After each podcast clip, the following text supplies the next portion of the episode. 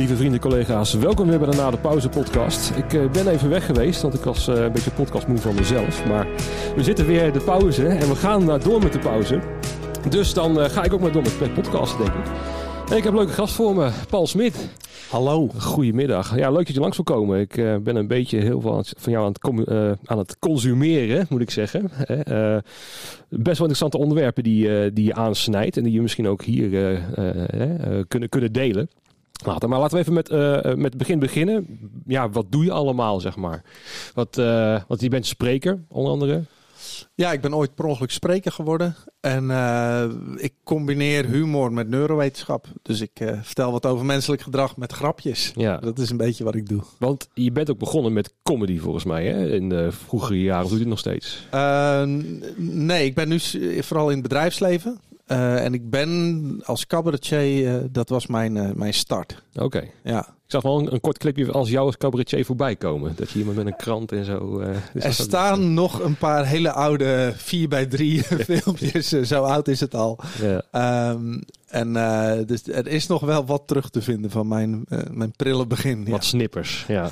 en wat ook een leuk haakje is, is de neurowetenschappen. Waar je ook best wel in bent gaan doken natuurlijk. Dus ja. dan is dat heeft dat een beetje met elkaar te maken, denk jij? Dat het dan toch het interesse is in van hoe werken we nou, wat doen we in godesnaam hier zo op deze wereld? Is dat... nou, ik, ik ben ooit afgestudeerd op de evolutie van menselijk bewustzijn. Dus ik ben altijd al bezig geweest met waarom doen wij mensen zoals we doen? En hoe vinden keuzes plaats? Uh, en ja, daar schrijf ik dan ook boeken over. Dus, dus dat is altijd al mijn interesse geweest. En dat ben ik nu met humor gaan combineren. Dat is eigenlijk uh, hoe het begon. Ja, oké. Nou ja, het, het onderwerp non-dualiteit is voor mij een beetje een half jaar tot een jaar geleden in mijn eh, wereld uh, toegedrongen. Tenminste, het heeft altijd in me gezeten, maar toen kwam het ineens op, opgelicht, zeg maar, in mezelf. En um, nou, daar was ik dus een beetje aan het zoeken. Kom je heel snel ook bij content van onder andere jou terecht. En van Patrick Kikken en zo. Maar jou slaat toch iets meer aan bij mijzelf, moet ik zeggen. Um, en dit vind ik wel interessant, omdat um, we hebben het nu collectief meegemaakt vanuit de evenementenbranche, om het zo maar eventjes heel plat uh, te zeggen, dat we ineens niks meer mochten. Van je mocht niks meer. Je kon gewoon niet meer doen wat je deed. Nee.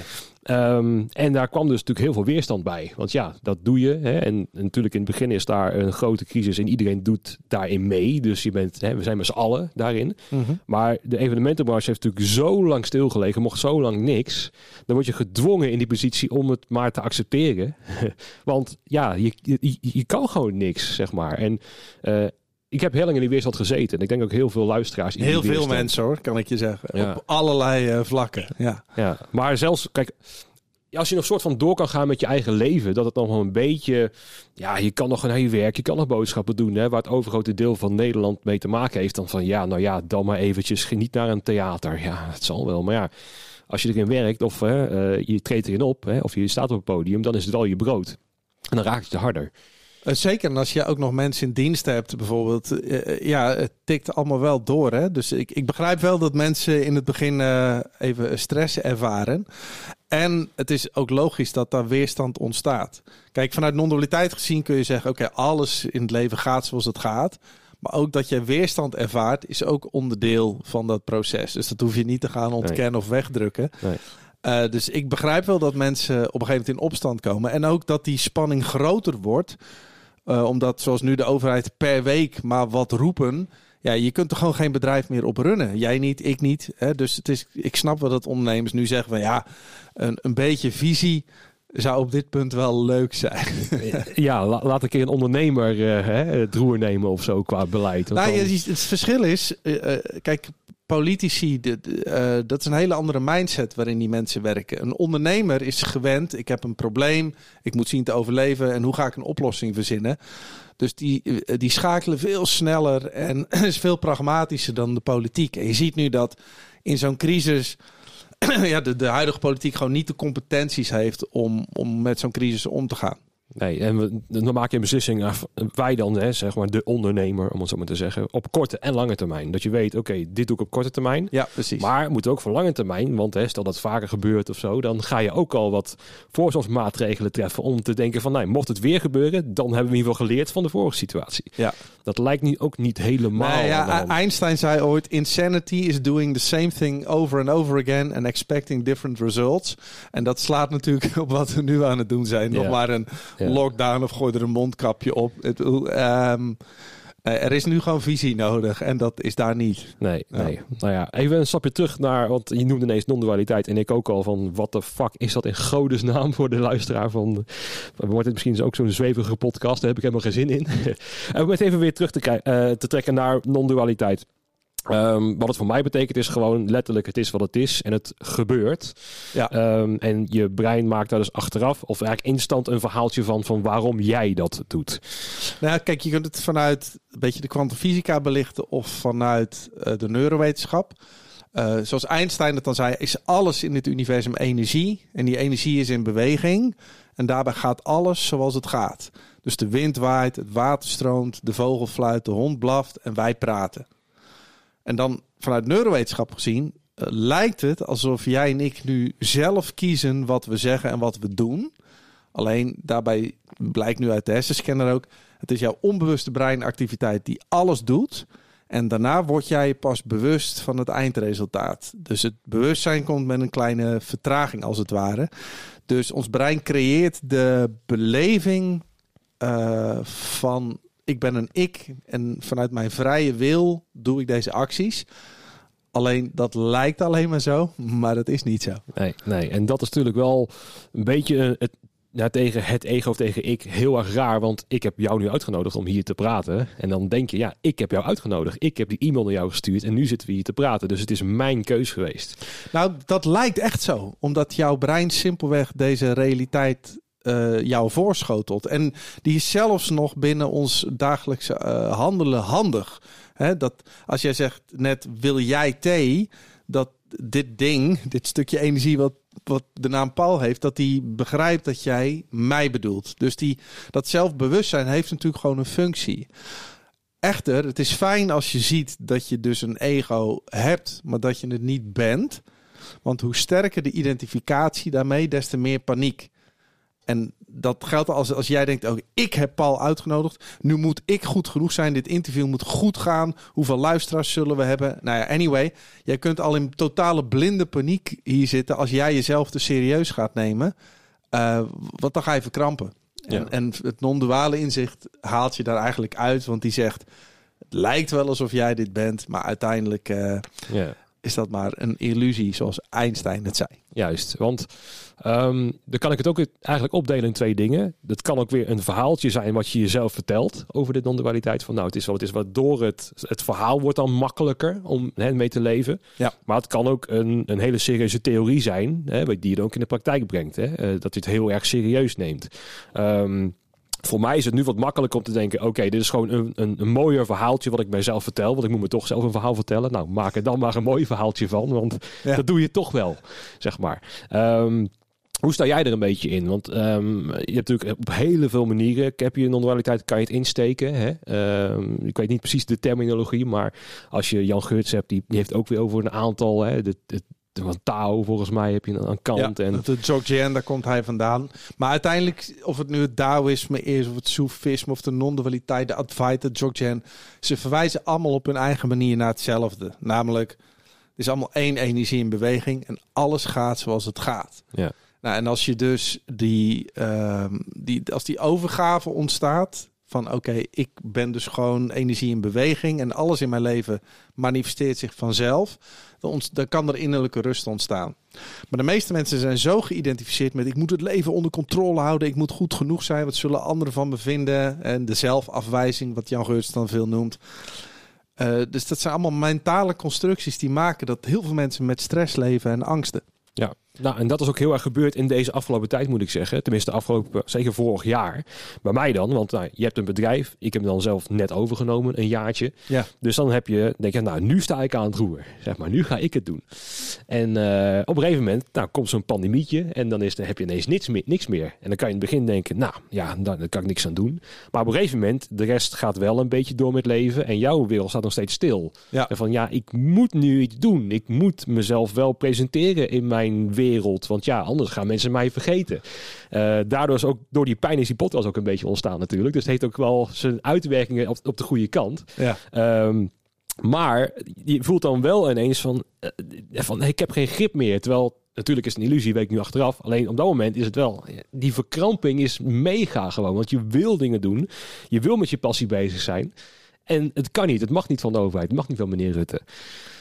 Nee, dus um, maar het feit dat jij dus die verkramping ervaart en die gedachten hebt, die verschijnen ook geheel vanzelf. Dus daar hoef je ook niet per se vanaf. Er is alleen als het overstijgende inzicht er is van oké, dit is wat het is, inclusief de emoties en gedachten die verschijnen, um, dan, dan gaat uiteindelijk wordt het minder verneinigd. De kramp gaat er dan af. Dus er ontstaat ook zelf compassie met oké, dit is het nu gewoon, ik voel me nu gefrustreerd. Punt. Alleen de meeste mensen kunnen niet leven met de emoties of gedachten die verschijnen. Maar er komen nog meer emoties en gedachten. En dan gaan mensen heel veel piekeren, heel veel verhalen vertellen, stress krijgen. Dat of heel veel Facebooken. Nou ja, kijk, wat daarna, kijk, op het moment dat je eenmaal die stress ervaart en zoveel emoties hebt, dan krijg je copingmechanismen. En dan ga je je verdwijnen in social media door tijdlijnen scrollen, TikTok-filmpjes kijken, alcohol drinken, cocaïne snuiven. Nou, alles wat leuk is. Alle, alles waarmee je jezelf kunt verdoven, als het ware. En, ja. en uiteindelijk helpt dat op korte termijn. Maar het heeft altijd zijn consequenties op langere termijn. Dus dat is een doodlopend pad vaak. En dan zie je dat als mensen helemaal klem lopen, ja, dan ga je naar de therapeut of je probeert spiritueel te worden. En dan ga je de volgende trucendoos uh, openhalen. Ja, want voor mij is het ook zo, dat heb ik dan ook weer vernomen en het resoneert wel redelijk, is dat wanneer komt de verandering als je of de passie voor hebt, of je, je hebt zoveel weerstand waardoor je niet verder kan, waardoor, waardoor er een kieszensituatie komt. Dan ja. is er eigenlijk verandering. Kijk, on, tijd... ons brein uh, is voor het grootste deel ontwikkeld toen we op de savanne leefden. Um, dus wij leefden als jagers en verzamelaars. En om te overleven was het belangrijk dat je zoveel mogelijk energie zou besparen. Dus net als een leeuw, die is de hele dag bezig met lui zijn. En pas op het moment dat hij moet vechten of vluchten, dan komt hij in actie. Dat is bij ons niet anders. Dus wanneer kwam je in de oertijd in beweging? Dat is vanuit urgentie. Als er een dreiging was van een dieren of schaarste of een andere stam, dan moest je wel. En de tweede is passie. En dat komt weer voort uit seksuele selectie. Wij willen als mensen nog wel uh, onze partnerkeuze vergroten. Vandaar dat, uh, dat je dan bijvoorbeeld denkt: ik ga een podcast beginnen. En dat ik denk: ik ga daar zitten. Want dat is seksuele selectie. En dan vergroot ik mijn kans op een partnerkeuze. Dat is feitelijk waar passie uit voortkomt. Maar nog steeds wat je zegt is zo. Wanneer veranderen we? Of je doet iets vanuit passie. Of er is een urgentie. En, en daartussenin gebeurt niet zoveel. Nee. Nou, en dat is het punt ook wat, uh, wat de meeste, ik vul al heel veel in voor, voor heel veel mensen, maar zo voel ik het dan, is dat um, heel veel mensen uit deze evenementenbranche, waar we backstage werken voor artiesten, um, er zit zoveel passie in. Ja. Hè? Uh, en die combinatie van werk en passie komt ook niet heel erg vaak voor bij de meeste beroepen volgens mij. Dus het doet ook extra pijn. Dan, toen ik dus thuis zat van oké, okay, en ik ben mijn passie kwijt en ik ben mijn werk kwijt. Ja. Dan heb je eigenlijk meteen twee grote kiezen tegelijkertijd te pakken. Uh, zeker, want ik denk zeker die branche, uh, de entertainmentbranche, ja, dat, dat gaat met heel veel passie. Hè? Je gaat ook als kunstenaar iets maken vanuit passie. Dat is niet omdat je baas zegt, uh, ga ik nu creatief zijn. plus eigen ondernemers beginnen sowieso het bedrijf vanuit passie. Want je wilt ja, toch ergens je energie in kwijt. En als dat wordt afgenomen, ja, natuurlijk doet dat pijn. Ja. Want ik kom, kom ook bij bedrijven waar mensen de enige verandering is dat je in je fulltime baan thuis moet werken. Maar je salaris wordt doorbetaald. Je doet nog dezelfde werkzaamheden. Dus die hebben veel minder weerstand uh, tegen alle veranderingen. Ja, hun passie halen ze toch niet uit hun werk over het algemeen. Dus dan zit daar ook niet echt die pijn. Nee, in Nederland hebben ze wel eens onderzoek gedaan dat uh, 9% van de mensen doet echt iets vanuit je intrinsieke motivatie. En 91% uh, vindt het wel oké of doet dit nu eenmaal om de hypotheek te betalen. Ja. Hoe was het voor jou toen uh, nou ja, de, zeg maar de eerste lockdown inging? Hoe, hoe ging jij daar persoonlijk dan mee om? Uh, want je hebt natuurlijk al die geschiedenis met non-dualiteit en zo. Was het al direct dat je al ervaarde van, nou ja, nee, het is wat het is. Hè? Uh, um, of was het bij jou ook van, hey, dit is wel een hele nieuwe situatie waar we nu in zitten of gaan inzitten? Um, nou, ik was al redelijk snel aan het analyseren van wat is dit virusje en wat gaat het doen. Dus ik had al vrij snel door van wij gaan voorlopig uh, um, een andere fase tegemoet. En um, dus ik was niet echt heel erg verrast. En ik heb wel geprobeerd snel te schakelen. Dat, um, je kunt natuurlijk thuis gaan zitten en, en wachten tot het overgaat. Wat eigenlijk veel entertainers hebben gedaan, moet ik zeggen.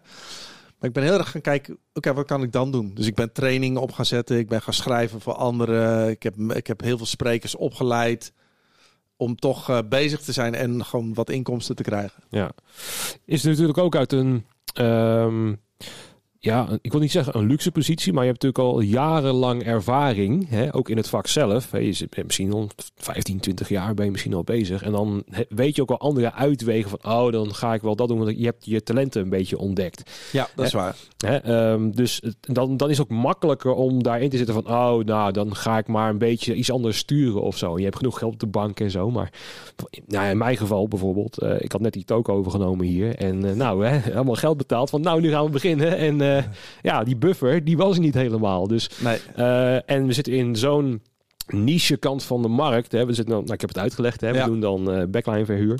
Um, ja, als er geen buitenlandse bandjes in Nederland zijn, heb ik heel weinig werk. En dan kan je zeggen, ja, dan moet je maar iets anders gaan doen. Maar dat is heel makkelijk gezegd, ook vanuit de politiek. Dus zei ze, ja, dan schooi je toch even om. Ja, nee, dat begrijp ik. Dat dat. Um, ik, uh, en ik heb heel makkelijk praten, want ik heb genoeg geld. Dus, dus ik, ik, ik kan met pensioen gaan als ik wil. Dus ik heb nergens die, die druk. Het is alleen, ik heb veel dopamine, dus ik ben graag bezig. En wat je zegt, ja, als je al zo lang bezig bent, weet je ongeveer wat je kan. En dan kun je makkelijk schakelen. Maar als ik in jouw positie zou staan, dan zou ik ook echt heel anders denken. Van ja, wacht even, ik heb net deze investering gedaan. Er gebeurt niks. Ik weet niet hoe de toekomst is.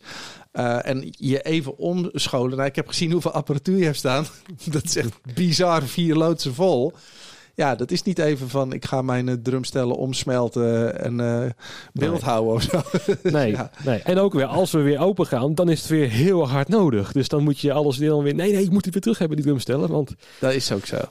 Dus het is, een, het is allemaal heel erg persoonlijk. En dat zie je ook wel heel vaak ja, misgaan. Is dat dan ieder zijn eigen verhaal begint te vertellen. Zeker online, hè, op Facebook of in de talkshows. Zo van, ja maar ik in mijn ziekenhuis. Van, ja maar ik met mijn, met mijn horecabedrijf. Ja. En je, je, komt niet eerder naar elkaar toe lijkt het wel dan. Omdat je dan niet echt dat begrip voor elkaar. Hè, omdat je alleen maar je eigen pijn zit te vertolken richting de ander.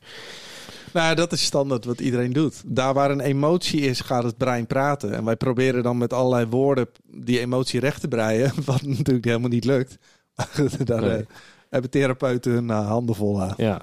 Nou, jij hebt natuurlijk ook uh, heel veel contact met Guido Weijers. Hè? Je hebt ook de VOD-gasten. Ja. doe je niet zo heel veel meer mee, volgens mij? Nou ja, af en toe als ze bij elkaar zitten of weer eens een onderwerp hebben. We deden het vroeger iedere week. En dat is nu, net als jij, wanneer je voelt van we hebben iets leuks. Dus dat, uh, dat blijven we wel doen. Ja, want als ik dan een beetje uh, als een observant het mag uh, soort van oordelen, dan heeft Guido wel iets meer pijn ervaren of zo. Van hij wilde ook heel graag, wat ik dan ook heel voelde, hè, van ik, ik moet op het podium staan en we gaan naar de regels kijken wat we kunnen doen. Um, merkt hij daar ook al een, een beetje een, een, een, een verschil tussen jou en Guido bijvoorbeeld?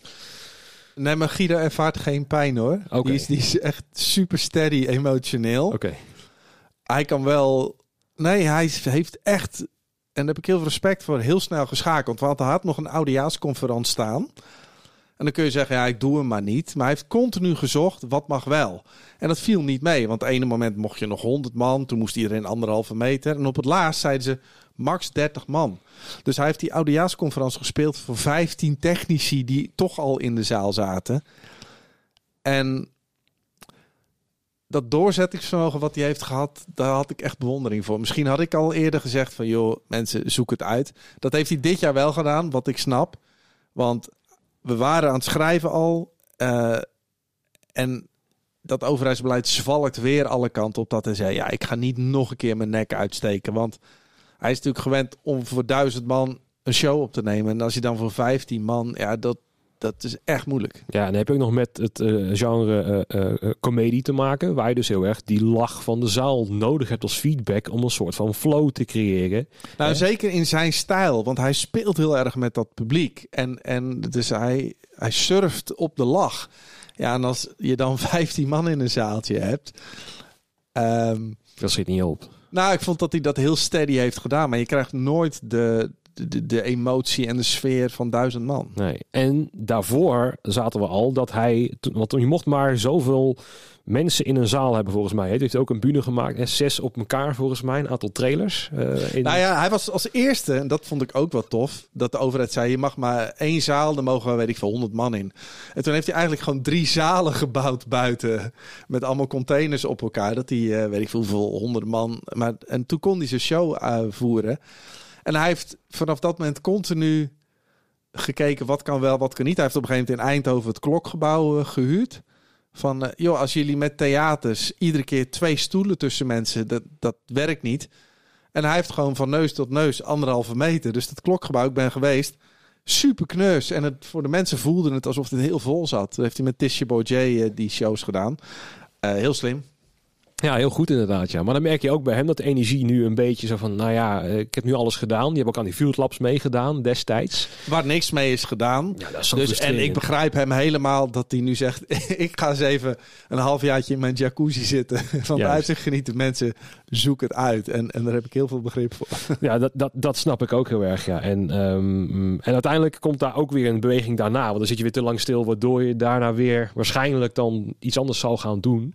Hem kennende, die verzint vanzelf weer wat nieuws. Maar soms, uh, hij rent natuurlijk al zijn hele leven heel hard. Hij weet ik hoeveel shows hij wel niet heeft gedaan. Dat is echt bizar. Soms is gewoon even een paar maanden niks doen. Uh, kan geen kwaad. Ja. En er zit uh, jij en Guido nogal heel erg in het creatieve gedeelte. Dus je kan dingen nieuw gaan, nieuw gaan verzinnen. Maar stel je bent een geluidstechnicus of een stage manager van een podium of zo. En je zit juist het faciliteren voor het creatieve. Dan kan je dat zelf niet gaan ombuigen naar oké, dan ga ik maar ergens anders stage managen. Want er is geen stage om te managen. Dus probeer een beetje dat de vertaling te brengen vanuit hè, uh, wat wij dus ervaren met uh, een beetje non-dualiteit en zo. Hoe kan je dat, zeg maar, als je dus werkelijk vastgebonden bent, om maar te zeggen van dit, dit zijn mijn kwaliteit en hier verdien ik mijn brood mee.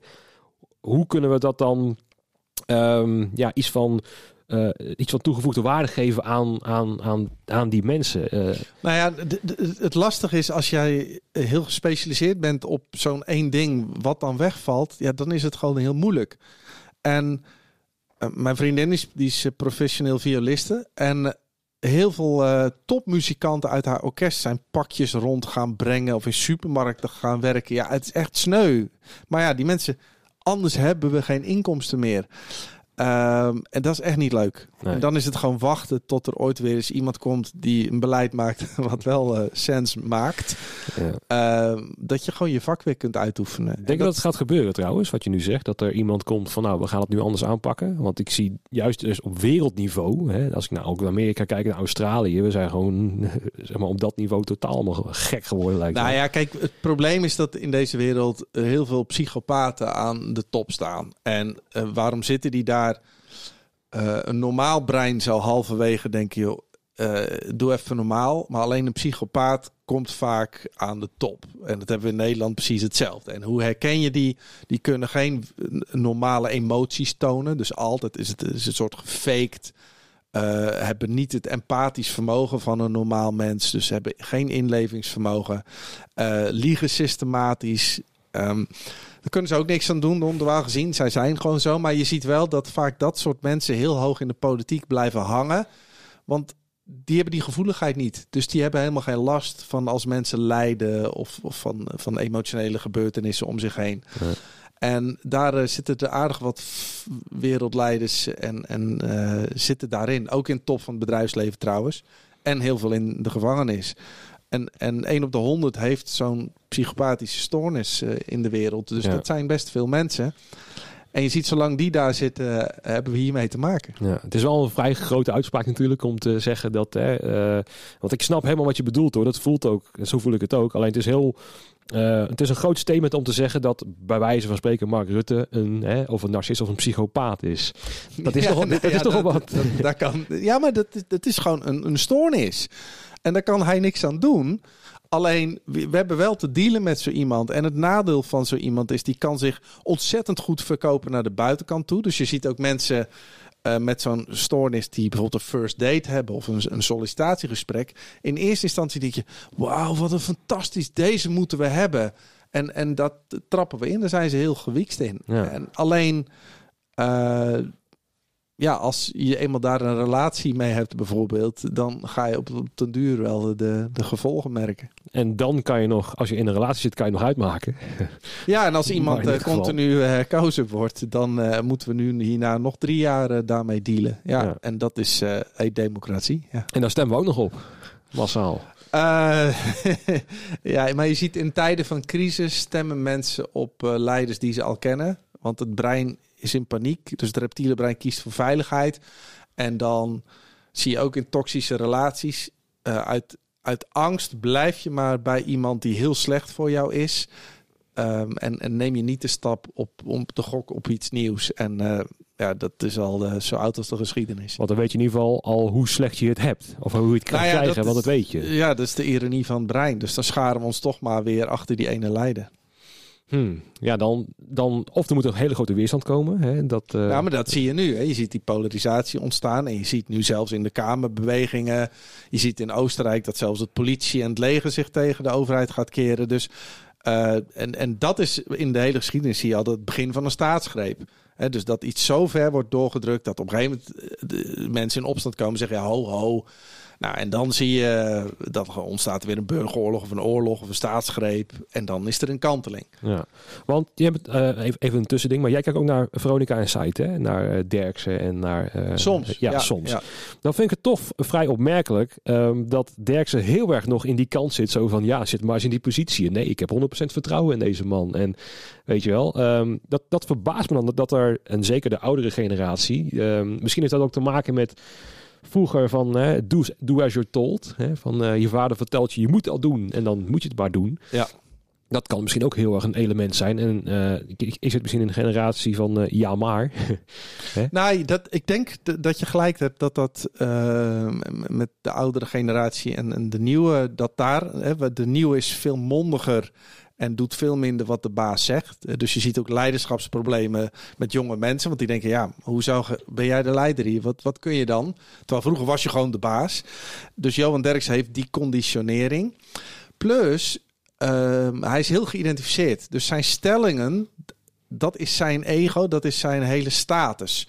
Dus op het moment dat hij zou gaan twijfelen aan iets, gaat het ten koste van zijn imago. En je ziet Wilfred Gené, die is veel meer dat hij van meerdere kanten bekijkt. Jeroen Pauw begint dat nu ook te doen.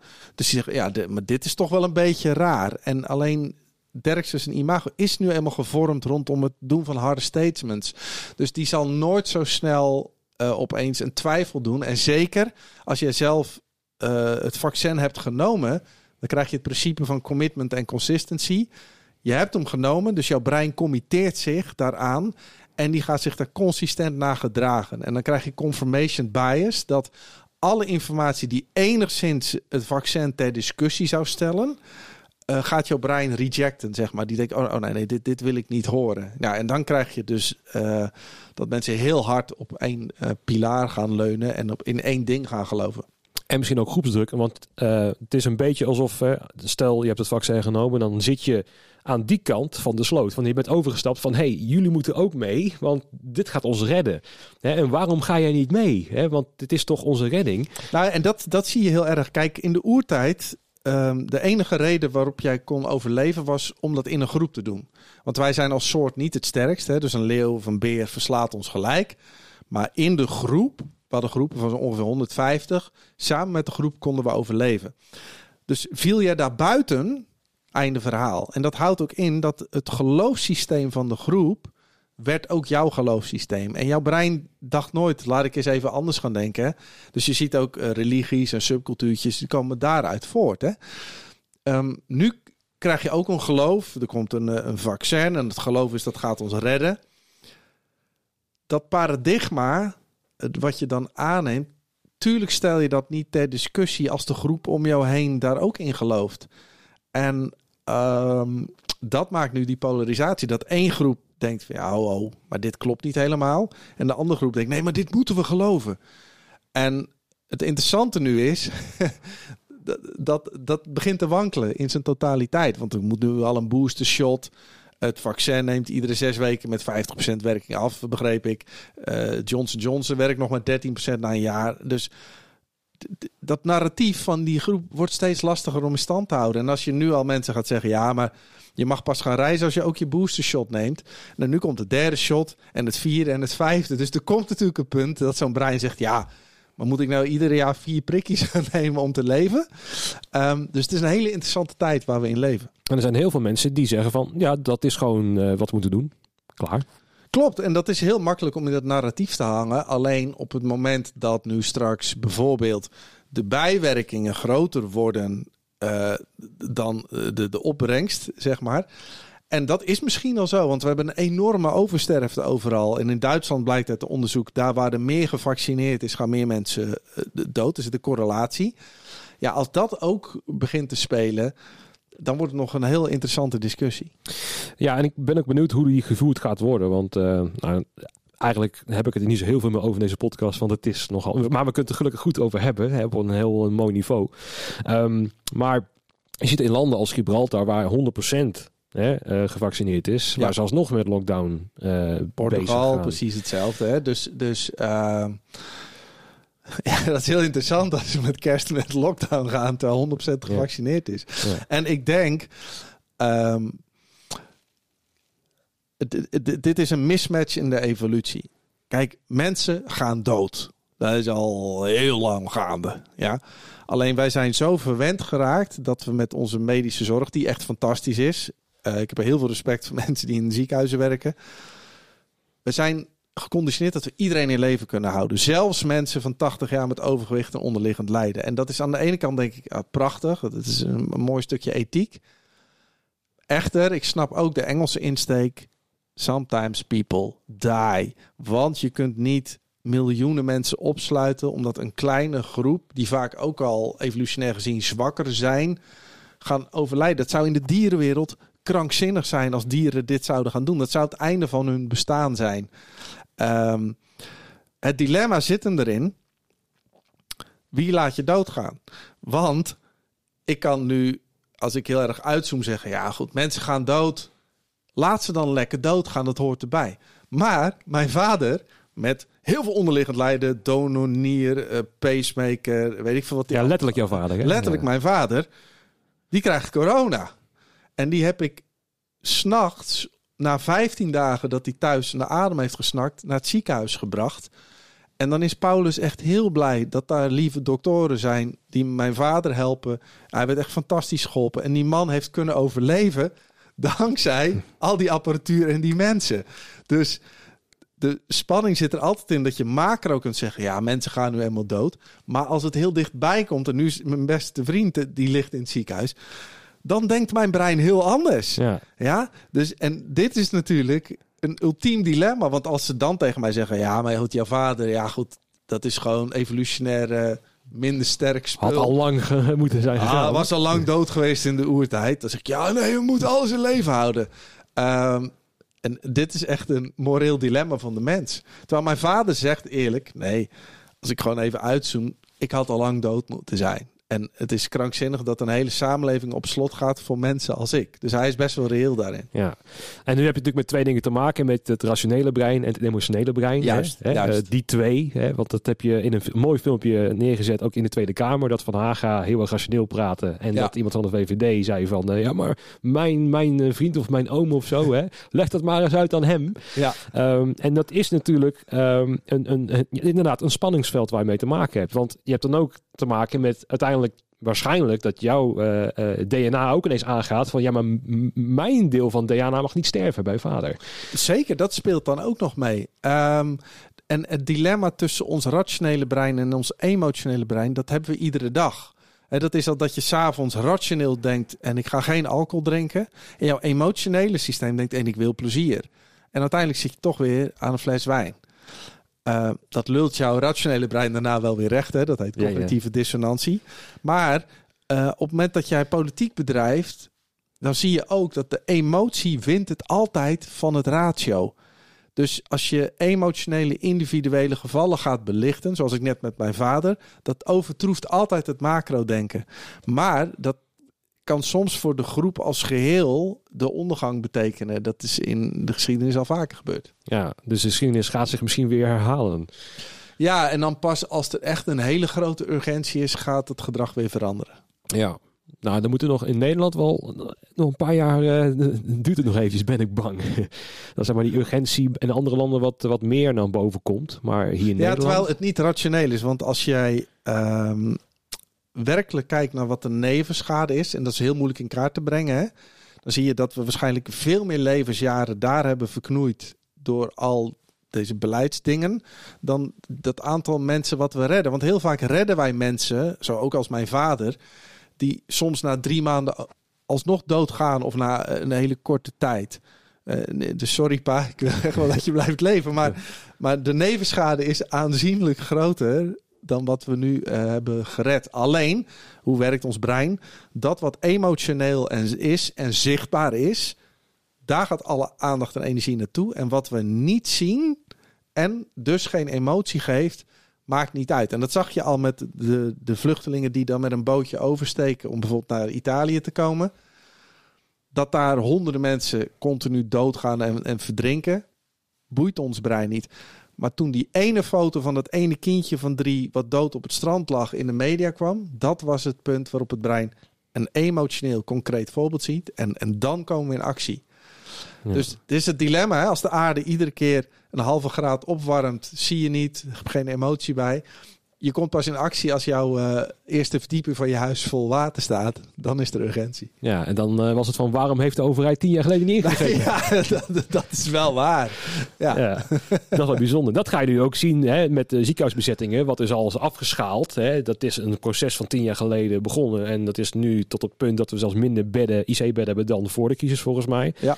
Ehm, dan krijg je nu van die vragen van waarom is dat überhaupt afgeschaald? Weet je, dat is gewoon een beleid wat destijds ingezet. Maar om dat weer terug te krijgen. Tuurlijk, maar er zit natuurlijk een financieel manager in Excel te rekenen. Oh, we hebben zoveel mensen, dan kunnen we nog meer afschalen, kunnen we nog meer winst draaien. En als je ziekenhuis ook nog gaat privatiseren, dan, dan bevordert dat alleen. En dan pas als de urgentie is, denk je, oh, oh misschien is eh, dit niet zo slim. En bij de ziekenhuizen, en dat snap ik ook, dat IC-personeel, want ik heb er een aantal gesproken, die zeggen, zoek het lekker uit. Ik werk me hier helemaal de touwtyfus. Een kliniekclown krijgt meer betaald dan ik. Ehm, wij krijgen nergens support. Er komen niet meer bedden bij, meer mensen. En alles komt op mij aan. Dus die mensen verlaten massaal die ziekenhuizen. En, en dus, ja, vind maar eens goed IC-personeel. Ja. Ja, en dan worden er volgens mij 24 per jaar opgeleid of zo, hoorde ik laatst. Ja, dat gaat niet... eh, er zit geen zoden aan de dijk. eh, nee. Nee, ehm, en, ja, en dat is natuurlijk ook weer lastig om nu uit te leggen dat dan hè, eh, entertainment en horeca weer dicht moet vanwege in feite een opstapeling van hele andere problemen. Eh, ja, ehm, ja, dit is echt complexe materie. Voor, voor- voor- want, want nu ga je weer eh, allemaal bedrijven dichtgooien. En kijk, Steun geven. je ziet nu dat de geloofwaardigheid is nu zo ver afgenomen... Dat, dat als ze dit nog een paar keer doet, dan denkt iedereen... ja, het zal wel. Ja. Dus dus eh, we gaan een interessant 2022 tegemoet. Ja, en dat het zal wel, dat is natuurlijk nu al een klein beetje bereikt. Tenminste bij mij dan, misschien ook wel een beetje bij jou. Hè? Ehm, en dat is, ehm, ja, is, is dat onverschilligheid? Of is het juist en in de non-dualiteit gewoon, nou, het is maar ook wat het is. Dat het veel meer op dat level zit in plaats van onverschilligheid. Het kan allebei. Dus vanuit het non-duale zie je, oké, dit is wat het is. Uh, ook de politiek en alle beslissingen gaat zoals het gaat. Dus ik ga me niet te veel verzetten tegen het universum. Nee. Aan de andere kant is het een verdedigingsmechanisme van het brein. Want als jij bij iedere persconferentie jezelf opvreet, dat kost zoveel energie. En wat doet het brein om energie te besparen? Die, die kiest eigenlijk een beetje kop in het zand, politiek. Uh, van het zal wel, we zien het wel. Um, alleen dat gaat wel ten koste uiteindelijk van de passie. Dus dat is wel zonde. Zeker. En als ik dan, ik, ik kijk ze niet meer, die persconferentie, maar als ik ze kijk, Um, dan kijken we met een soort van spot naar of zo. Van, nou, daar heb je hem weer. En dan gaat hij met hele uh, dreigend toon zeggen hoe ernstig het wel niet is. En dan zit ik erbij van, nou ja, maar een mooi toneelstukje eigenlijk wel. En dat is ook heel gevaarlijk, want zo wil ik niet denken. Ik wil juist dat ik de leiders heel erg serieus neem. Maar dat gebeurt niet meer. Nee, maar dit is ook als in de oertijd, wie, ging jij, wie werd leider? Dat was degene die volgers had. En wie ging jij volgen? Dat is degene die jouw overlevingskansen vergroot. Dus het was altijd een sterke, ervaren vrouw op het kamp. Of een sterke, oudere leider met veel ervaring die ging jagen. Um, maar op het moment dat zo'n leider bleek dat hij zich ging misdragen of niet competent bleek, ging je iemand anders volgen. Dus die verloor direct zijn of haar macht. Alleen de mismatch van deze tijd is dat mensen gekozen worden, zitten daar, zijn niet competent, geven ook. Wij zouden hun nooit volgen in het echt. Alleen zitten daar wel. Dus we hebben te dealen met, met leiders die niet competent zijn en we niet weg kunnen zetten. Nee. En in de oertijd heette dat dan een stop, een strategy to overcome the powerful. Je stopte met het volgen en die leider verloor gelijk zijn macht, waardoor iemand anders weer de kans kreeg. En dat principe hebben we nu niet. Vandaar dat het fout gaat. Ja, en dat wordt ook niet gerapporteerd als er weerstand is. Uh, of tenminste te weinig. Hè? Want er zijn best wel, zeker ook in Nederland, niet dat ik ze allemaal volg hoor. Ik heb ook zeker niet meegelopen. Maar je ziet wel dat er weerstand is. Hè? Dat we willen dat er verandering komt. Vanuit, dat we er vanuit een ander perspectief naar gaan kijken. Hè? Uh, afgezien van de hele conspiracy theory-achtige kant. Maar heel veel mensen die zitten er ook in van, nou ja, dit, dit kunt toch niet zo langer doorgaan. En wat ik dan ook wel zorgelijk vind, is dat dan juist die, uh, die polarisatie die dan plaatsvindt in de media, om het zo maar te zeggen, um, is dat het versterkt het alleen maar. Want je weet, uh, jij weet als geen ander dat uh, media echt in het, in het angst zit van een, van een brein te porren. Zo van, hè, wees hier bang voor, want dan ga je erop klikken. Dan ga je ook aan als zijnde ja, consument het, van Het probleem van de media is dat dat wat uh, het reptiele brein triggert, dus de angst voedt of de emotie voedt, je limbisch systeem, dat is waar de aandacht naartoe gaat. Ja, dus als jij op neocortex niveau een heel rationeel, uh, wel overwogen artikel schrijft met nuances, dat vindt het brein niet boeiend. Dus het moet of emotie of angst zijn. Dus gaan ze dat ook schrijven, want dan heb je meer kliks, meer geld.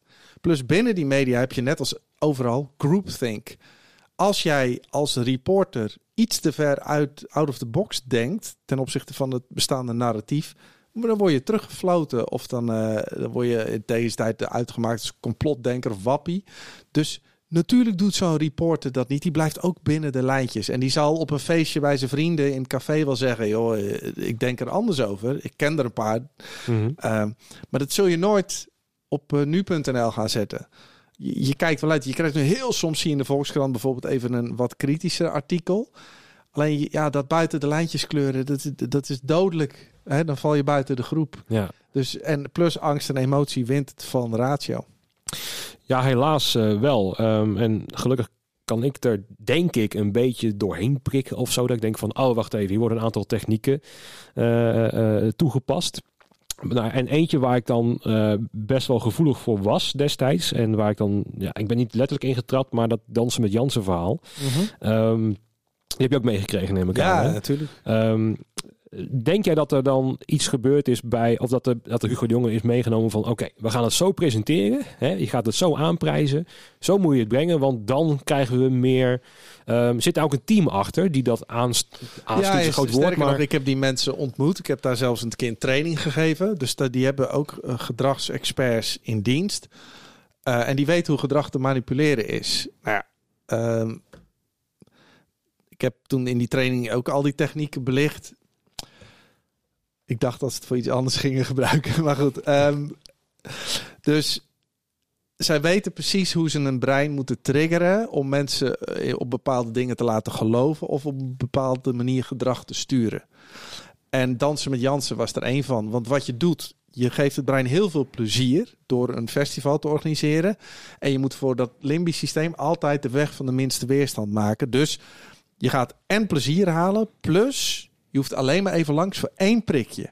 En dan krijg je een beloning, al je vrijheid en je hebt lol en je gratis biertjes.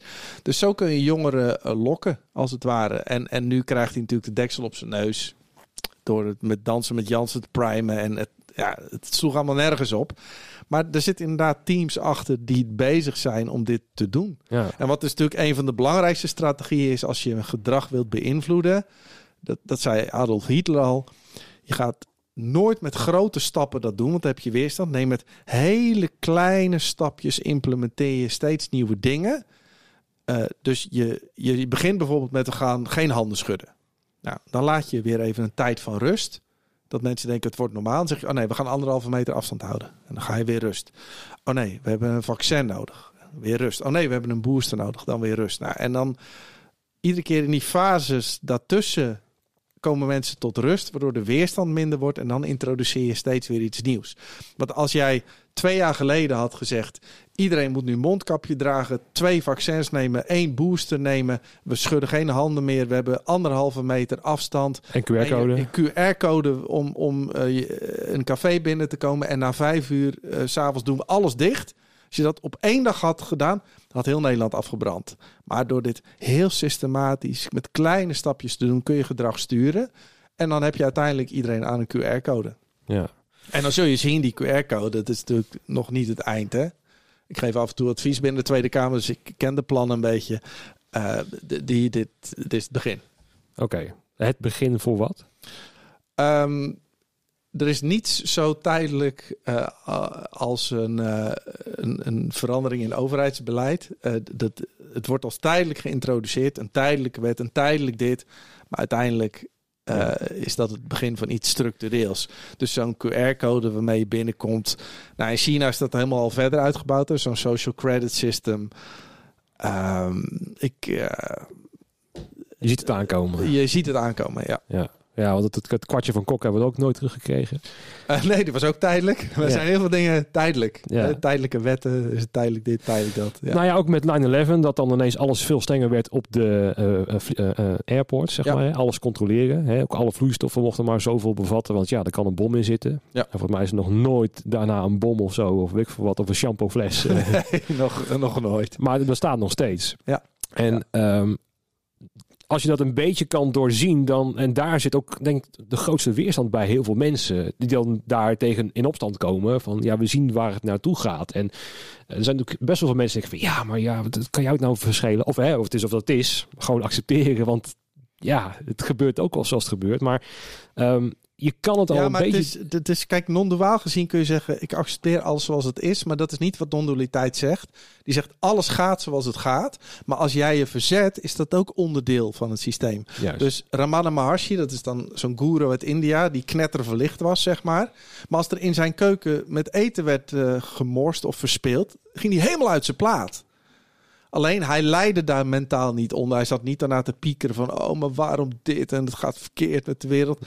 Nee, op dat moment is zijn programmering om, we gaan zuinig met eten om in de keuken. En dus kom ik eventjes hier met, uh, met wat felheid dit vertellen. Dus dat jij je verzet is heel natuurlijk. Dus ook in een relatie, als jouw relatie... Uh, een beetje toxisch begint te worden, is het heel goed dat jij een grens stelt. Of in opvoeding is dat ook zo. Als ik mijn zoon zeg, hey, ho, hier is de grens. Dus een valkuil van non-dualiteit is dat ik zou zeggen, oh nee, mijn zoon heeft 50 euro gestolen uit mijn portemonnee, maar dat is ook het universum. Daar kon hij niks aan doen, want hij vindt gewoon plaats. Nee, Ja. inclusief mijn reactie van dit mag je niet doen en ik ga je PlayStation nu onder de, de douche zetten. Ja, De- de- inclusief dat. Ja. Dus, dus dat non-duale, maar ja, goed, daar kun je uren over praten. Dat, dat is wat subtieler dan hoe mensen het vaak eh, denken. ja, als je het in een notendop moet samenvatten, is dat niet zo heel makkelijk. Eh, Nee, het zijn heel veel misverstanden die daaruit voortkomen. Of mensen die dan zich verlicht gaan gedragen. Hè, dus dan is jouw ego wat weer denkt... oh nee, nu, nu ben ik vrij van alles. En dan gaan mensen zachter praten... en ja. proberen geen grote emoties meer te tonen. Maar dat is helemaal niet waar het naar verwijst. Nee. nee. Ik ben verlicht is al sowieso een grote paradox. eh, Dat is de grootste illusie. En uiteindelijk, op het moment dat die identificatie wegvalt, boert het je geen moer meer of je wel of niet verlicht bent. Want het is gewoon zoals het is. Dus dan is de compassie met alles. Maar niet meer de ideeën dat je iets anders zou moeten zijn dan dat je nu bent. Nee. Nee. Ja, ja, god, het is heel interessant hoor. Dat, eh, eh, nogmaals, ik denk dat we non-dualiteit nog steeds niet eh, totaal en goed hebben be- beschreven. Nou ja, hè, dat, want is, het is, dat is ook heel lastig. Omdat, kijk, ik zie dan sprekers die al jarenlang door de wereld reizen om hierover te praten. Ja, die, die hebben vaak ook al twintig boeken geschreven en, en duizenden uren hierover verteld. En, en dat was in India ook, hè, dat je vaak, als je jaar of vijftig was, ging je dan een keer een klooster in. En dan werd je helemaal begeleid om dit te gaan integreren. En dat is een heel proces van ontwaken wat eraan vasthangt. Dus om dit in een podcast uit te leggen aan mensen die hier bijvoorbeeld nog nooit van hebben gehoord, dat is eh, krankzinnig. ja, misschien was het ook helemaal geen goed idee om hier dat haakje te brengen in deze. Nee, maar ook, ook dat gebeurt gewoon. Ja, nee, En, tuurlijk, eh, tuurlijk. En, eh, en het is voor heel veel mensen ook die er een keer van horen, denken: oh, dat, dat ga ik me toch eens wat in verdiepen. En dan, dan begint het proces vaak pas. Ja, ik denk wel dat het mensen kan helpen of zo, die dan juist in die weerstand zitten en het niet mogen voelen van zichzelf. Hè, weer die maatregelen die dan eh, naar boven komen. Of wat ik ook zie bij de andere kant op, hè, de mensen die dan wel heel erg in het vaccin geloven, eh, collega's van mij, en die dan juist die anderen weer belachelijk gaan maken. Zo van, ja, maar kijk dan, hè. Eh, eh, dit, dit kan toch niet of zo. Die heel erg in die weerstand zitten van waarom begrijpen we het niet. En jongens, we vinden ons werk toch zo belangrijk. Werk nou gewoon mee. Hè? Neem die spuit en, en draag dat mondkapje. En ook over je neus, wat is heel belangrijk. Want ja, we hebben science toch. En science zegt toch dat dat helpt. Help, doe dan mee. Ja, ja, ja. Daar heb ik ook wel compassie voor. En denk ik, ja, Maar die mensen geloven echt ehm, dat ze daarmee het juiste doen. Dus ik kan dat ook echt begrijpen.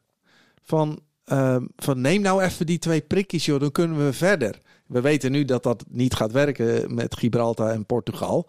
Maar ik snap wel dat mensen heel lang in dat narratief zijn meegegaan. En eh, op het moment dat je inderdaad dat heilige geloof hebt in dat vaccin, waarvan we de bijwerking uiteindelijk pas in 2024 zullen weten. eh, het is ook wel makkelijk. En we hebben weer de groepsdruk. Hè? Dus iedereen gelooft het, dus doe maar gewoon mee. En op het moment dat je dan kritisch kijkt, dan wordt je dat niet in dank afgenomen. nee. En dan ben je ook nog eens de schuldige van dat de wereld is zoals die nu Ja, is. Ja. want jij verspreidt het. Terwijl, nou ja, je kan natuurlijk best wel over eh, op een normale manier over eh, een, een gesprek over hebben dat dat misschien niet helemaal waar is. Nou, ik heb het gelukkig gehad. Dus ik heb, eh, ik heb en, en een vinkje voor een jaar. En ik kan Kijk. zeggen, ik ben 6 tot 13 keer beter beschermd.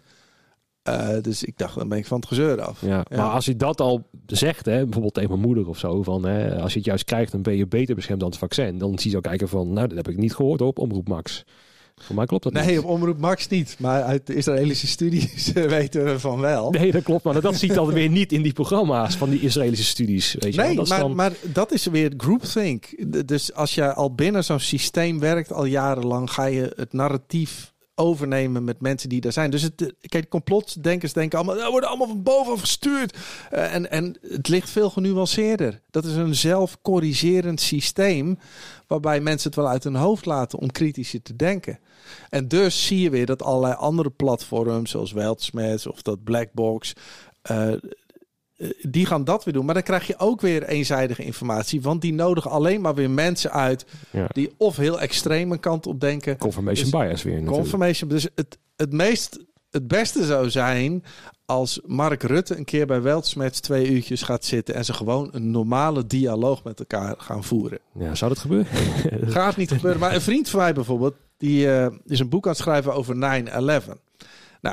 Eh, het officiële verhaal, daar kloppen heel veel dingen niet aan. Maar hij is ook de hele andere kant gaan bekijken van alle complottheorieën. En hij is dus alles zo, zo goed als dat kan wetenschappelijk gaan analyseren. En dan blijkt dat mega veel van die complottheorieën, dat is al- allemaal weer aannames, confirmation bias, selectieve perceptie. eh, dat klopt ook niet. Dus hij zegt, het is heel moeilijk om, om dan ook die kant te zeggen van, ja juist, maar dat zijn ook allemaal aannames. Mhm. Laten we nu eens heel feitelijk kijken. En dan blijkt het officiële verhaal klopt ook natuurlijk niet. Maar ergens ja, moet je dan gaan uitvinden hoe het dan wel zit. En eh, dat valt nog niet mee.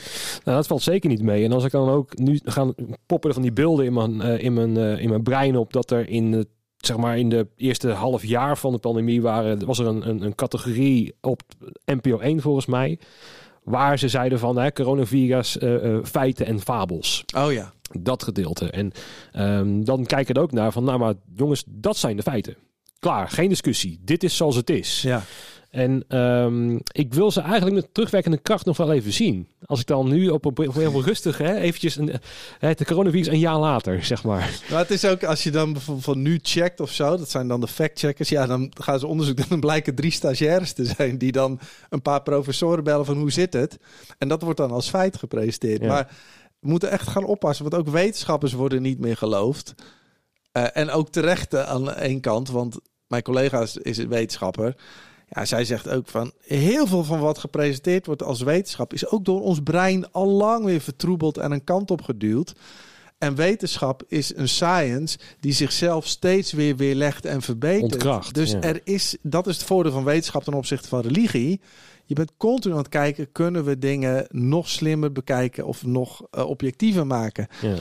Eh, maar ja, je- je, hoort nu zoveel verschillende geluiden dat mensen een beetje murm worden, vrees ik. Ja, ja, weer de wetenschap. Terwijl wetenschap, als je dat dan heel erg... Er zijn heel veel mensen die ook zeggen, maar dat is de wetenschap, dus dat is de waarheid. Terwijl als ik een beetje, eh, eh, naar mijn simpele onderzoek, is wetenschap ook maar een zienswijze op dat moment naar... Hè, hoe het misschien in elkaar zou, zou kunnen zitten. Met zeker eh, aan, hoe zeg ik het ook weer? Aan, god, dat je het bijna zeker weet in ieder geval. Maar het is ook niet 100% zeker Nee, dat het zo is. Moet je kijken hoe vaak Einstein zijn theorie heeft weerlegd. En toen had hij alles en toen kwam de kwantumfysica. Toen zeiden ja, if quantum physics is real, everything is an illusion. Ja. En nu zegt de, echt de godfather van de kwantumfysica van ja, alle modellen die we tot nu toe hebben kloppen eigenlijk niet. We moeten eigenlijk helemaal opnieuw beginnen. Ja, dat Ja. je denkt...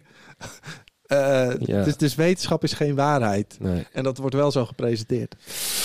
Ja, helaas, helaas wel. En eh, het, ja, het punt is, ik wil het juist geloven. Ik wil juist dat een leider het liefst, eigenlijk is het beste in mijn optiek, hè, dat iemand zegt van nou, ik weet het, we weten het nog steeds niet, hè, als leider zijn van, ik ga gewoon eerlijk zijn. We weten het niet. We hebben een strategie aan, a- eh, aangepakt die voor toen het beste leek. Ja. Hè, dat, lijkt nu anders te zijn. We weten ook niet precies hoe dit gaat uitpakken. Maar jongens, hè, dit is onze beste eh, kans zeg maar, om dit hè, on- onder, onder het virus eh, in de kop in te drukken. Daar word ik ook helemaal moe van, van die term trouwens. Ja. Alsof er een virus in te drukken valt. Hè? Eh, Nee, het is gewoon deel van het bestaan. Ja. Maar ehm, eh, en als je die taal gaat analyseren elke keer van... hé, hey, ze hebben het er weer over. Zeg maar, alsof het een individu is. Nou, in normaal gezien, hè, het virus is, eh, wordt geïdentificeerd. Ja, Dat is ook best wel dat is ook wel interessant. interessant hoe dat dan... Want zo kan ik nu naar kijken van... hoezo identificeer je iets wat niet te identificeren valt? Ja, nee, ja, dat klopt. En nu hebben we een Omicron variant. Alsof het zeg maar weer het broertje van is of zo. Ja. Ja, Dat, maar ja, het is net met de griep. Daar komen ook nog 6000 varianten in. Maar, maar ehm, ik had nog een arts aan de lijn. Die zei, ik weet je hoeveel virus jij in je lichaam hebt? Het zijn er miljoenen. Dat zijn allemaal bacteriën en dingen die op elkaar inwerken. Maar dat is gewoon onderdeel van ons zijn. Hij zegt, en de enige reden om daarmee om te gaan... is om elkaar de handen te blijven schudden. En, want dan kan je lichaam continu immuniteit opbouwen. En we zien nu ook, omdat kinderen helemaal steriel worden opgevoed... ja, dan krijg je no time, krijg je weer hooikoorts en, en allemaal dat soort dingen. Dus Ja. ja. George Carlin heeft zo'n mooi stuk dat hij ook zei... ik ben nooit ziek. En ik zwom eh, in een of andere Hudson River, eh, zeg maar... wat echt super gore giftig was. Maar dan bouw je als kind wel eh, weerstand op. ja. En, maar je ziet, de mens leidt aan controlezucht. Wij willen alles in het leven controleren. Onze business, onze relatie, virussen. En die controle hebben we nu helemaal niet. Dus Nee. vandaar dat we zo eh, mentaal in paniek raken vaak. Ja, over het algemeen, ja. Nu, nu kan gelukkig kan ik wat meer achterover zitten van, ah, nou ja, het, het, het- ja, het overkomt me ook maar. En, ehm, eh, dus het, het wordt wel relaxter voor mijn brein op dit moment. En misschien ga ik ook op een gegeven moment vermoeid raken van eh, dit onderwerp. Want dan krijg, krijg je natuurlijk ook weer, hè, dat de mensen heel erg onverschillig worden op een gegeven moment. Van, nou ja, het toch niet meer uitmaakt. Hè. Ik krijg toch al mijn tv al overgemaakt van de overheid. En, eh nou, ik koop er weer een gitaartje hoor, geen probleem. Ja, En, eh, ja, ja. dat, moet je ook, tenminste, ik zit er nu al een beetje, kijk daarvoor uit. Hè, en doe vooral de dingen die je leuk vindt. Hè, ehm, maar het, het is soms wel lastig om daar. eh, want er gaat ook heel veel in je lijf om. Hè, eh, continu. En om dat elke keer te gaan beluisteren of om het waar te nemen en zo. Meesten kunnen het ook helemaal niet aan of zo. Die willen het helemaal niet aan om te voelen wat ze voelen of zo. Nee, maar dat is ook heftig. En we zien nu ook ehm, dat heel veel mensen depressief worden. Heel veel jongeren hebben ook last van depressie. En dat komt, je passie kun je niet uitoefenen vaak. Maar het allerbelangrijkste voor mensen is mensen ontmoeten. Als we elkaar ontmoeten maken we oxytocine voor vertrouwen. Serotonine voor emotionele balans. Endorfine, geluk. Ehm, Maken we verhalen. We ja, nee, we zijn verhalenmakers en die delen we met elkaar. En dat, ja, dat socialiseren is gewoon onderdeel van ons hele zijn. En op het moment dat dat weg wordt gehaald, ja, maakt het brein niet goede stofjes aan. En dan zit je thuis eh, je honderdste Netflix-serie te kijken en dat voegt niks meer toe. Nee. Dus ja, eh, gooi die cafés open. Laat mensen inderdaad erop uitgaan. Want de nevenschade gaat nu veel groter worden dan die, eh, dat, die paar mensen die overlijden. Ja. Ja. Nou ja, dus, als dat de conclusie is van vandaag. eh, Ik, ik, ik kan wel heel erg met je meegaan hoor. Maar ik moet, het zit toch een beetje met een kwinkslag erin van... Oh god, weet je wel. Word ik niet ook meteen als mensen luisteren van... Hij zit weer aan die kant. Weet je wel. En dat. Dan krijg je dat weer dat je in een hoek wordt geplaatst. Terwijl, nou ja, ik wil juist nooit in een hoek worden geplaatst. ik weet niet of jij daar ook last van hebt. Dat je dan eh, Nee, door... ik, ik ben gewoon filosoof. Dus ik denk mijn hele leven over alles kritisch. Ja. Eh, zelfs over wat ik zelf zeg. Dus, en als iemand mij in een, in een hokje wil plaatsen, Prima. Dat is, dat is prima. Maar tot nu toe heb ik alles wat vanaf punt 1, twee jaar geleden werd, wat ik heb geroepen, is allemaal uitgekomen. Dus ik kan altijd met terugwerkende kracht. Ik heb nog Ja. met Guido zo'n uitzending opgenomen van voorspellingen die wij vorig jaar deden over deze tijd. ja, En ze zijn allemaal uitgekomen. Dus ja, op een gegeven moment dan, eh, ja. Dan gaat het in je voordeel werken. Ben je de expert, ja. Eh, we zitten een uurtje te lullen. Ik wil misschien af gaan sluiten met een andere cabaretier die ik op zich op, wel wat grappig vond op TikTok. En ehm, zo van dat eigenlijk helemaal niks, dat niks logisch is. Laten we, ik weet niet waarom ik dit deed, eh, maar goed, dat gebeurt ook Ik, ik denk ik weet welke je bedoelt, maar Ja? laat even horen. Ja. Nothing makes fucking sense. Life makes no sense. You're on a planet right now. You think you're in America? Zoom out. You're on a space rock floating in nothingness, infinite nothingness, and the infinite nothingness is expanding. That means endlessness is getting bigger. That makes no fucking sense. We all just act like it's normal. Like, oh, we're everything's made of molecules. Okay. Got it. I'll never think about that again. This stool is made of molecules, the same molecules in my hand. And you know when I knock these molecules into these molecules, when we ask science why don't they go through each other, you know what the answer is? We don't know.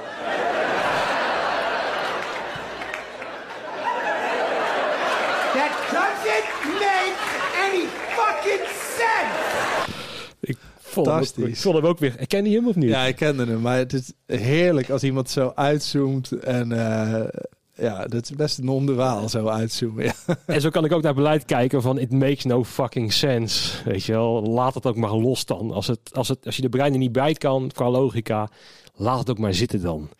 Ja, en, maar dat helemaal uitzoomen is ook wel lekker. Dat je ziet, joh, we, we leven in een soort spelletje waarbij je tijdelijk een rol speelt. Dan zijn we toch een godesnaam aan het het doen. universum boeit het allemaal geen moer wat je doet. En, maar dat geeft ook wel wat rust of zo. Ja. We maken onszelf, we zoomen helemaal in. We identificeren ons met onszelf of, of met ons bedrijf of carrière of wat dan ook. En dat maakt het allemaal heel fragiel. En dan ga je weer piekeren. En Dus dat af en toe helemaal uitzoomen, denk je, laat maar, let Ja. it be. Dat is ook wel lekker. Ja, nou dan ga ik toch met. Ik heb het helemaal voorbereid dit met mijn soundboard. Dus ik ga toch de laatste quote van meneer Van der Grijp. Omdat ik Oh, deze leuk. zo mooi vind. Ik vind het echt.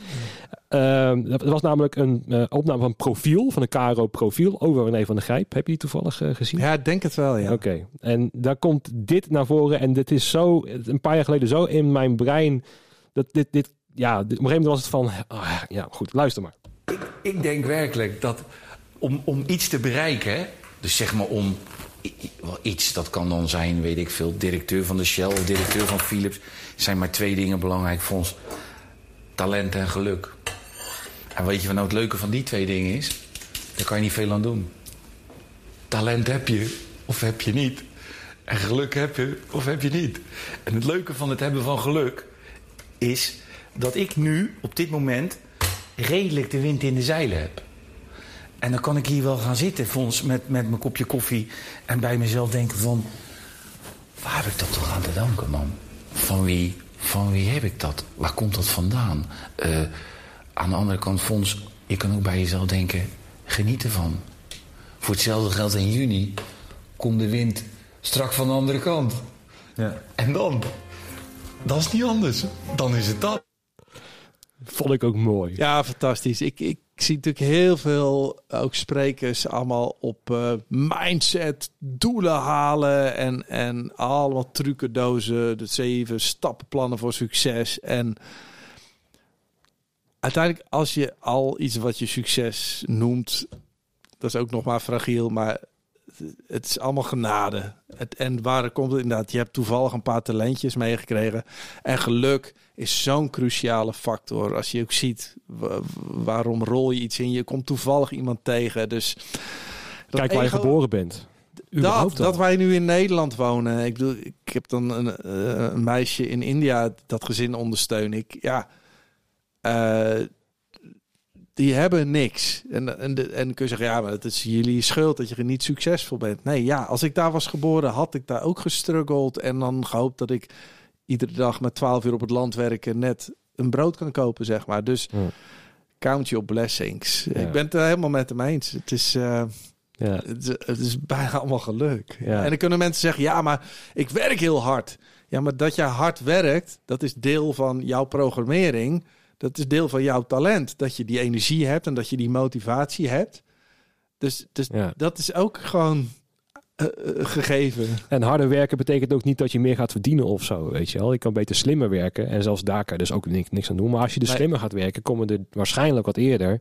En zet je juist de mensen die heel goed zijn in wat ze doen, juist op die plek neer in plaats van jezelf. Want dan kan je zelf weer wat anders gaan doen en zo. En Zeker. nou ja, goed. Ik, vond, ik vind het wel een hele mooie afsluiten. Dus eh dank je wel voor je tijd, eh. Paul. Yes, thanks. En ehm, ehm, ik heb de laatste vraag niet eens gesteld. Wacht, wacht laatste vraag. Spannend. Wat? Oké. Dat stel ik aan iedereen, dus moet ik ook jou vragen. Ehm, wat ga jij samen met coronavirus niet missen eh, als we weer allemaal op gang zijn? Wat, wat mag wat jou betreft uit de evenementenbranche ook verdwijnen samen met de coronavirus? Eh, wat uit de evenementbranche... Ja, dat als jij ergens komt, Nee, wat, wat, wat ik... een goede DI of zo. nee, nee, ik denk, wat ik fijn vind, is dat ehm, bij voorbesprekingen dat mensen gewend zijn dat dat online kan. Ehm, en want vroeger dan moest ik soms eerst helemaal langs en dan eh, je uur lang praten. Dat, dat is efficiënter geworden. Dus, dus bepaalde dingen dat die online gaan, vind ik nu fijn. Maar bij evenementen, mensen moeten gewoon elkaar ontmoeten. En, en dus, dus ik wil dat niet weg hebben. Ik wil juist dat mensen elkaar weer opzoeken. Want dat is toch het allerbelangrijkste voor het brein. Dat is waar de chemie ontstaat. Ja. Dat vind ik een mooie afsluiting. Nu gaan we afsluiten. Dankjewel Paul. Yes. Dankjewel voor het luisteren en het kijken. Tot de volgende keer. Tot na de pauze.